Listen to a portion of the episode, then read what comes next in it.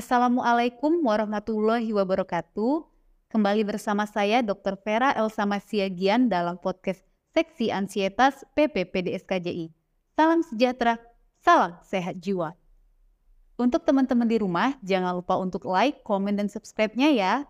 Nah, kali ini kita kedatangan tamu yang sangat spesial. Ada Ibu Amalia Mutia, MPC psikolog.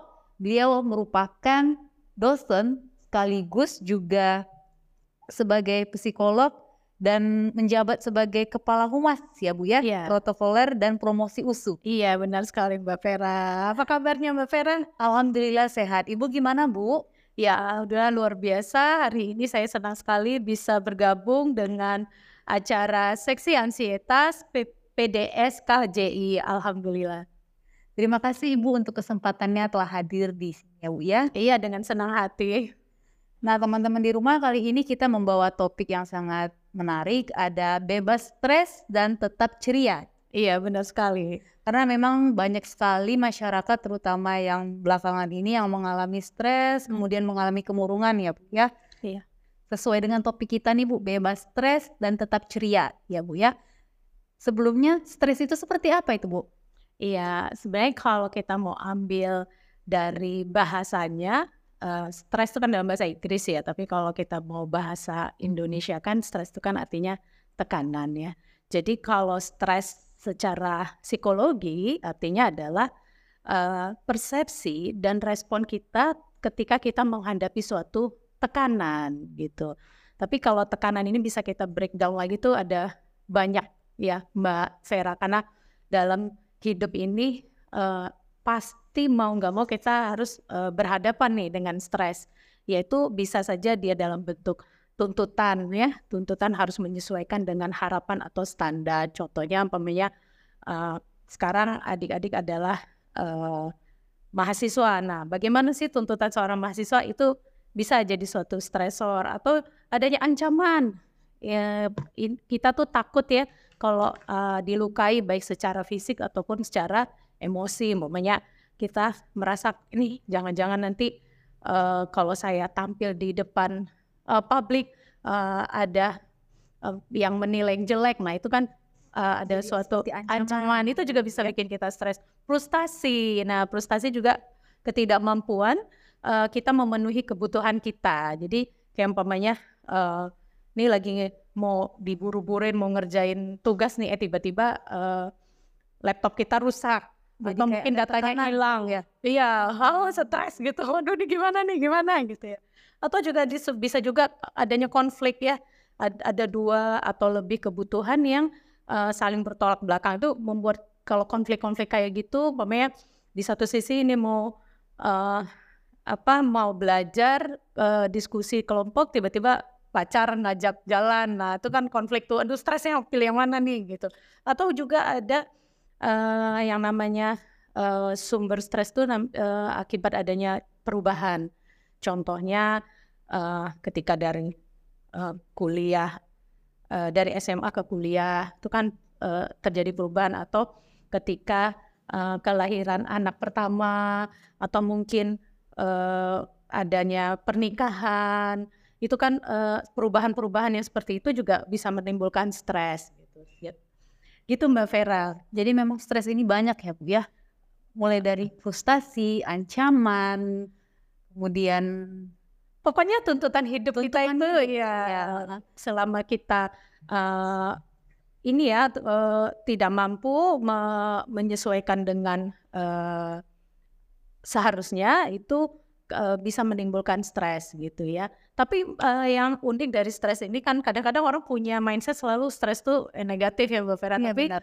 eh, stres sendiri itu ada dua sebenarnya. Ada yang namanya eustress dan ada distress. Nah, eustress ini adalah stres yang baik yang malah bisa memotivasi kita dalam melakukan banyak hal gitu ya. Jadi contohnya eh dua hari lagi mau ujian. Oh, aduh, stres dong. eh, belum belajar gitu kan. Nah, eh, ini bisa jadi suatu bentuk eustress yang memotivasi kita, memotivasi kita, ayo ayo belajar dong kalau memang mau nanti nilainya bagus gitu. Nah, tapi ada stres yang kalau kita tidak menanggulanginya dengan baik, maka dia akan menjadi distress, yaitu stres yang uh, berakibat uh, buruk atau negatif buat uh, diri seseorang itu. Ada eustress dan distress tadi. Iya, benar sekali. Untuk uh, masalah kenapa seseorang itu bisa mengalami stres seperti apa itu, Bu? Iya, tadi saya sebutkan di awal kalau stres itu adalah persepsi dan juga respon ya terhadap tuntunan. Nah, uh, tahap dari stres itu pertama adalah uh, tadi tuh mbak adanya stresor-stresor itu tadi seperti yang sudah saya uh, breakdown sebelumnya ya mulai dari tuntutan ancaman perusahaan itu uh, bentuk-bentuk uh, stres ya eh, stresor ya nah kemudian uh, individu tersebut akan melakukan penilaian appraisal penilaiannya ini dalam bentuk apa dia mempersepsikan ini suatu uh, hal yang uh, menjadi suatu uh, hambatan nggak, mengancam nggak gitu. Jadi uh, bagi Mbak Vera uh, suatu kondisi itu bisa jadi stressful, bagi saya enggak. Pamannya uh, uh, macet deh, macet yang sederhana gitu. Mungkin bagi Mbak Vera macet itu udah bikin Mbak Vera stres ya, tapi bagi saya itu suatu hal yang biasa. Jadi uh, stres itu balik lagi bagaimana kita mempersepsikan uh, kondisi itu. Kalau bagi kita itu suatu hal yang mengancam, membahayakan, uh, kemudian kita masuk ke tahap kedua, yaitu uh, kita membutuhkan sesuatu untuk menghadapi kondisi uh, yang baik menurut kita itu adalah uh, stres, uh, stres. Jadi uh, kalau bagi kita itu suatu hal yang membuat kita mengancam, maka apa nih yang harus kita lakukan? Nah, kalau yang namanya stres itu kan harus ada yang namanya coping ya. Bagaimana kita menghadapi uh, tuntutan itu. Jika copingnya itu bagus, maka uh, tidak terjadi uh, stresnya. Tapi kalau coping kita tidak bagus, maka uh, kita menilai suatu kondisi itu menjadi suatu hal yang stressful, Mbak. Untuk gejalanya seperti apa Bu? Gejala dari orang yang mengalami stres ini? Ya, uh, kalau kita bisa melihat suatu stres itu kadang-kadang nggak melihat dari uh, bagaimana cara orang menganggap itu stres atau enggak, tapi bisa dari banyak uh, faktor, mulai dari gejala fisik atau tubuhnya dulu nih. Nah, biasanya kalau orang stres tuh dia gampang lelah, ya kemudian suka sakit kepala lalu juga kadang-kadang nyeri otot atau sesak napas bahkan juga kadang-kadang uh, menyebabkan iritasi pada kulit kemudian ada yang uh, gejala kognitif kognitif ini kita tuh kalau stres tuh jadi susah konsentrasi ya susah fokus terus isi di kepala tuh suatu hal banyak hal yang negatif aja gitu jadi negativity tuh biasanya tuh uh, cara berpikir orang yang stres itu nyantolnya eh, hal-hal yang negatif. Kemudian uh, susah mengambil keputusan, lalu juga uh, kalau dalam belajar tuh susah konsentrasi ya. Kemudian kalau kita lihat dari faktor emosi, orang-orang yang stres ini biasanya uh, gampang cemas, terus juga uh, gampang emosian. Jadi hal-hal yang kecil aja bisa membuat mereka marah atau mungkin sedih yang berlebihan gitu. Kemudian kalau dari perilaku itu juga kelihatan kalau orang stres tuh biasanya uh, dia nafsu makannya kalau nggak bertambah banyak bahkan ada yang nafsu uh, makannya berkurang juga kurang jadi dia mal males makan atau uh, bisa ber, ini ya mengaruh ke tidur. Jadi uh, susah tidur. Terus juga uh, orang yang gelisah ya gelisah tuh kelihatan tuh di perilaku. Ada juga yang uh, jel efek jeleknya kadang-kadang dia menggunakan obat-obat uh, terlarang yang dengan dengan asumsi itu bisa menghilangkan stresnya jadi mungkin bisa menggun uh, minum minuman beralkohol atau enggak uh, menggunakan narkoba agar uh, stresnya hilang gitu nah itu uh, beberapa gejala uh, orang-orang yang mengalami mengalami stres. Selanjutnya ini Bu mengenai ciri-cirinya Bu karena kan orang-orang stres ini biasanya dia tidak bisa menikmati hidup mm -hmm. ya uh, gimana nih Bu? Ciri-ciri dari orang yang tidak bahagia Bu? Seperti apa? Oke, baik kalau kita mau ngebahas tentang kebahagiaan itu kan bahagia itu adanya di sini sih di kepala ya kalau menurut saya. Ketika kita berpikir kita bahagia maka bahagialah kita gitu ya. Jadi kalau ciri-ciri orang yang tidak bahagia itu biasanya ya dia uh, apa yang dipikir di pikiran dia itu banyak hal yang uh, negatif gitu ya uh, kemudian rata-rata orang yang gak bahagia itu uh, kalau kita tuh kan hidup tuh uh, here and now ya Mbak Vera. Maksudnya ya kita tuh uh, hidup tuh di saat ini. Tapi kalau orang yang nggak bahagia itu biasanya dia cenderung fokus pada masa lalu atau bahkan mencemaskan masa depan gitu. Jadi uh, sehingga dia kehilangan momen yang sekarang ini. Jadi dia mau makan yang dia pikirin, aduh nanti gimana ya kalau uh, uh, besok tuh aku harus uh, makan apa ya yang dia makan saat itu tuh dia nggak bisa nikmatin karena ya. iya karena dia uh, fokusnya malah uh, mencemaskan masa depan atau bahkan uh, selalu meratapi masa lalu umpamanya uh, dia punya trauma-trauma yang uh, dia nggak bisa move on dari itu gitu jadi uh, bisa salah satunya kayak gitu kemudian uh, banyak orang yang nggak bahagia ini tuh lebih banyak uh, terlalu memikirkan apa kata orang gitu ya. Jadi uh, sebenarnya kalau kita mau nyaman hidupnya, kita lebih fokus pada hal-hal yang bisa kita kendalikan saja gitu ya. Jadi kalau orang mau ngomongin kita A, B, C, D sampai Z, ya sudahlah itu uh, kan yang ada di pikiran dia. Kita nggak mampu kan mengendalikan uh, bagaimana orang berpikir tentang kita, bagaimana uh, orang uh, menganggap kita baik atau tidak, kan nggak bisa kita mengatur itu. Jadi yang bisa kita kendalikan adalah bagaimana respon kita terhadap pernyataan-pernyataan uh, atau pendapat-pendapat orang seperti itu. Jadi kalau menurut saya ketika kita terlalu memikirkan uh, apa kata orang, uh, kita akan menghabiskan energi yang percuma gitu karena memang nggak bisa kita kendalikan gitu loh. Ya udah fokus aja pada apa yang bisa kita uh, kendalikan terhadap hidup kita. Jadi ya kita uh, perbaikin hidup kita. Uh, tetap tenang, jangan mau terbawa emosi gitu kan yang rugi diri sendiri gitu.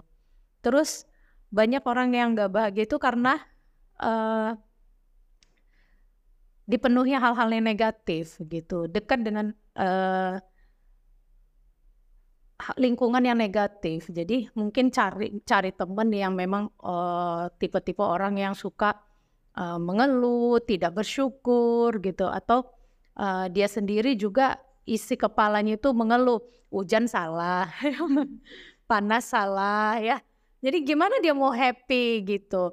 Terus yang yang terakhir sih saya ini sebenarnya juga adalah moto hidup saya gitu ya ketika saya uh, percaya bahwa uh, kita adalah apa yang kita pikirkan dan Tuhan atau uh, Allah Subhanahu wa taala uh, sesuai dengan prasangka hambanya gitu. Jadi ketika kita berpikir positif, maka uh, Allah akan menyesuaikan dengan prasangka kita ya. Kita dikasih hal-hal yang baik juga gitu ya Mbak.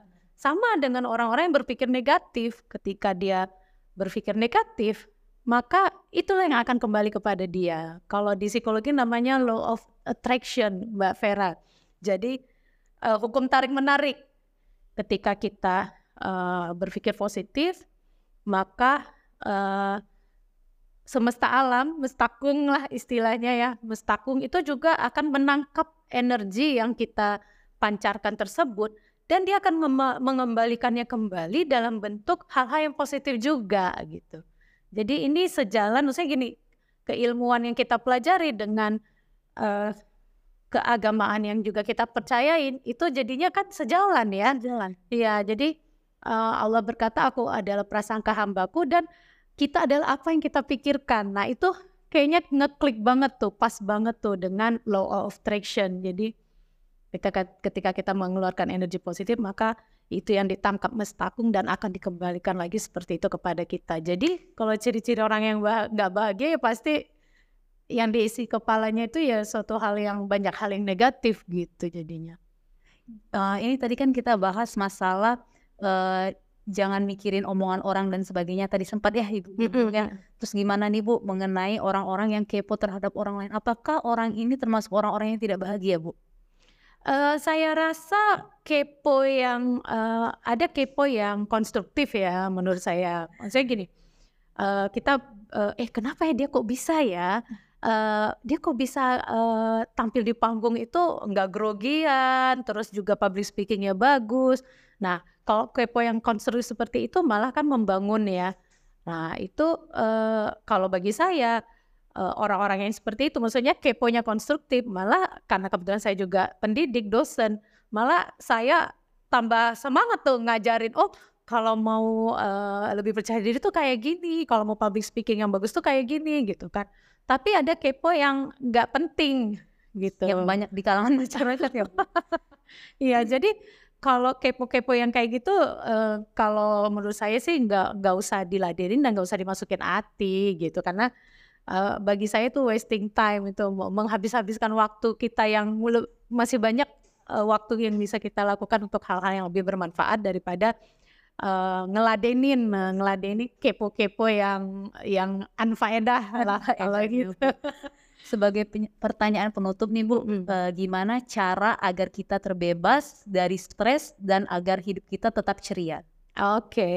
ya kalau kita uh, balik lagi ke teorinya uh, stres uh, untuk mengelola ya, mengelola. Karena kita nggak bisa bebas dari stres ya Mbak Vera karena bagaimanapun stres itu akan terus datang come to uh, our lives tuh uh, kapan saja. Karena that's life yang namanya hidup pasti akan menghadapi banyak uh, ujian cobaan gitu ya uh, lingka-liku tapi ketika kita uh, berhadapan dengan stres maka bisa kita kelola dengan dua cara yang pertama adalah emotion uh, focus coping dan yang uh, kedua adalah problem focus coping Nah, kalau emotion ini kita lebih banyak uh, me mengelola emosinya. Jadi ini biasanya uh, cara yang paling gampang dulu. Ya, jadi contoh umpamanya uh, kita uh, punya uh, pekerjaan yang sangat overload, uh, bebannya tinggi banget. Uh, jadi uh, yang kita uh, coping terlebih dahulu adalah bagaimana kita bisa mengelola emosi agar menjadi le uh, lebih tenang, lebih rileks, uh, agar nanti uh, ketenangan dan uh, metabolisme tubuh kita yang sudah baik ini uh, bisa menghadapi banyaknya tuntutan pekerjaan itu. Jadi contoh, pemain banyak banget stres, kita berhenti sejenak, mungkin bisa melakukan uh, relaksasi pernapasan atau mungkin melakukan hal-hal yang kita senangi, contoh mendengarkan musik sebentar atau mungkin keluar dari kantor sebentar untuk uh, lepas dari rutinitas. Nanti kita kembali lagi ke uh, apa pekerjaan kita. Ya. Nah, ada yang namanya uh, problem fokus tadi. Ini sebenarnya lebih jitu ya dalam meng, dalam menghadapi uh, stres yang kita uh, selesaikan itu ada problemnya, masalahnya apa gitu. Jadi uh, kalau tadi masalah uh, pekerjaan yang menumpuk ya kita kerjakan satu-satu supaya uh, sumber masalah atau sumber stres kita itu jadinya uh, terselesaikan kayak anak kuliah yang lagi ngerjain skripsi ya contohnya. Kalau lah dia stres karena skripsinya belum selesai kan nggak mungkin dia uh, copingnya uh, dengerin musik santai-santai. Ya iya dia akan tetap stres sampai kapan pun. Tapi ya kerjain dong skripsinya gitu. Itu itu yang problem uh, fokus coping itu tadi. Nah uh, kedua kedua ini bisa dipakai sekaligus mbak Vera. Jadi uh, sambil kita mengelola emosi masalahnya juga kita uh, tuntaskan gitu. Tapi ada juga uh, permasalahan yang nggak bisa kita pakai yang problem fokus. Contoh, stres uh, ketika punya atasan yang galak gitu namanya. Nggak mungkin kita uh, pecat bosnya dong. Iya. ya yang pasti yang bisa kita lakukan adalah mengelola uh, emosi kita gitu. Jadi mengelola emosi ini uh, banyak nanti bisa boleh nanti kita praktekkan salah satunya dengan melakukan relaksasi atau uh, pernafasan dalam gitu. Nah uh, kalau yang problem fokus tadi uh, yang dituntaskan ada straight to the point adalah masalahnya gitu. Iya, itu Mbak Vera. Jadi itu tadi cara untuk mengatasi stres ya. Iya, cuman jangan sampai gini ya, maksudnya kan kadang-kadang kalau yang emotional fokus itu uh, orang sekarang suka pakai istilah healing ya, jangan hmm. hilang healing, hilang healing, tapi masalah utamanya sendiri nggak nggak tertuntaskan gitu. Jadi ya ntar ya datang lagi stresnya gitu. Jadi uh, harus dikombinasiin gitu antara yang uh, problem dengan yang emotion fokus copingnya. Uh, ini bu untuk yang terakhir tadi kan kita sempat menyinggung mengenai relaksasi. Uh -uh. Mungkin teman-teman di rumah juga pengen tahu nih gimana caranya untuk relaksasi tadi biar teman-teman bisa praktekin di rumah juga bisa ya bu ya? Oh iya tentu saja dengan senang hati kita coba mempraktekannya supaya sebenarnya ini uh, tips praktis ya Mbak Vera ya. Jadi kita bisa melakukannya kapan aja. Kapan mau sambil nyetir bisa, mau di kursi kantor bisa, mau di kursi uh, kampus bisa gitu karena tidak membutuhkan uh, tools yang banyak atau juga uh, tempat yang khusus gitu. Jadi anytime, anywhere you can do it gitu. Berarti tidak ada waktu terbaiknya ya Bu ya kapan untuk melakukan relaksasi ini? Iya, kapan aja ya. kapan ya. aja ya. Kita kalau tiba-tiba stres itu muncul, uh, muncul, ya. kita merasa tidak nyaman untuk mengembalikan uh, kondisi tubuh kita ke kenyaman uh, kondisi nyaman maka kita bisa melakukan hal ini gitu mbak. Boleh kita coba sekarang? Boleh ya? boleh boleh boleh. Gimana caranya? Uh, berdiri. Atau uh, duduk juga boleh. ya. Ya jadi yang pertama harus kita lakukan adalah kita uh, mem memposisikan tubuh kita itu uh, serileks mungkin gitu ya. Jadi hmm, ketika kita meng ini kan karena namanya deep breathing atau pernapasan dalam maka uh, cara bernafasnya itu menggunakan uh, diafragma ya da, dan uh, ketika kita menghirup uh, udara uh, secara dalam itu menggunakan hidung kemudian nanti kita hembuskannya melalui mulut gitu ya ketika kita menghirup udara maka uh, gembungkanlah perut kita uh, untuk menampung oksigen sebanyak-banyaknya. Jadi saat menghirup itu perut kita kita kembungkan, kemudian nanti ketika kita uh, menghembuskan nafasnya, maka uh, perutnya perlahan-lahan kita kempiskan. Nah ini untuk awal-awal kita bisa hitungannya empat-empat uh, aja dulu Mbak Vera. Nanti kalau udah makin mahir bisa lebih lama hitungannya. Baik, mungkin sudah kalau sudah nyaman, uh, kita bisa tarik nafas uh, bareng-bareng Mbak Vera untuk dari hidung ya Bu ya. Dari hidung, uh, kemudian dari ditahan, oh, ditahan, ditahan uh, hitungannya empat semua, kemudian uh, nanti kita keluarkan pun uh, dalam hitungan empat. Jadi jangan jangan lupa Mbak Vera uh, perutnya di, uh, di, ya? di apa dikembungkan saat menghirup dan dikempiskan saat mengeluarkan kalau bisa uh, kita pegang dada ini in, jangan jangan dadanya yang bergerak karena kan biasa kita tuh kalau bernafas saat stres itu biasanya menggunakan uh, pernafasan dada ya. Jadi kalau pernafasan dada itu uh, jadinya uh, lebih cepat dia. Kalau kita menggunakan uh, nafas perut itu uh, akan jadi lebih rileks. Kita coba ini jangan sampai uh, terasa ini yang bergerak tapi perutnya ya. Satu, dua, tiga. Tarik nafasnya. Satu, dua, tiga, empat. Tahan. Satu, dua, tiga, empat. Hembuskan perlahan-lahan. Oke. Tarik nafasnya. Perutnya dikembangkan ya. tiga, empat, ditahan, satu, dua, tiga, empat, hembuskan perlahan-lahan. Coba sekali lagi, tarik nafasnya dalam-dalam, hitungan empat, satu, dua, tiga, empat. Jangan lupa dada uh, perutnya ini kita kembungkan. Kemudian tahan, tiga, empat. Hembuskan perlahan-lahan sambil mengempiskan perutnya. Oke, nah Benar ya Bu ya, terasa lebih nyaman ya. lebih Lebih nyaman. juga. Iya, Mbak Vera tahu nggak kalau uh, kita melakukan pernafasan dalam itu, maka oksigen itu akan uh, lebih banyak masuk ke dalam tubuh dan uh, ketika kita uh, tahu nggak kalau racun-racun di tubuh itu 70% itu dikeluarkan dari pernafasan. Jadi kalau kita melakukan pernafasan dalam itu bayangkan ketika mengeluarkannya itu kan kita uh, ini ya uh, panjang gitu. Nah, itu membantu kita me mengeluarkan racun-racun yang ada di dalam tubuh gitu. Untuk uh, praktik dari relaksasi ini Bu dapat dilakukan berapa lama Bu? Uh, kalau bisa sih uh, dalam 10 kali ini ya uh, round ya, 10 kali uh, per, pernafas sekali jalan pernafasan itu.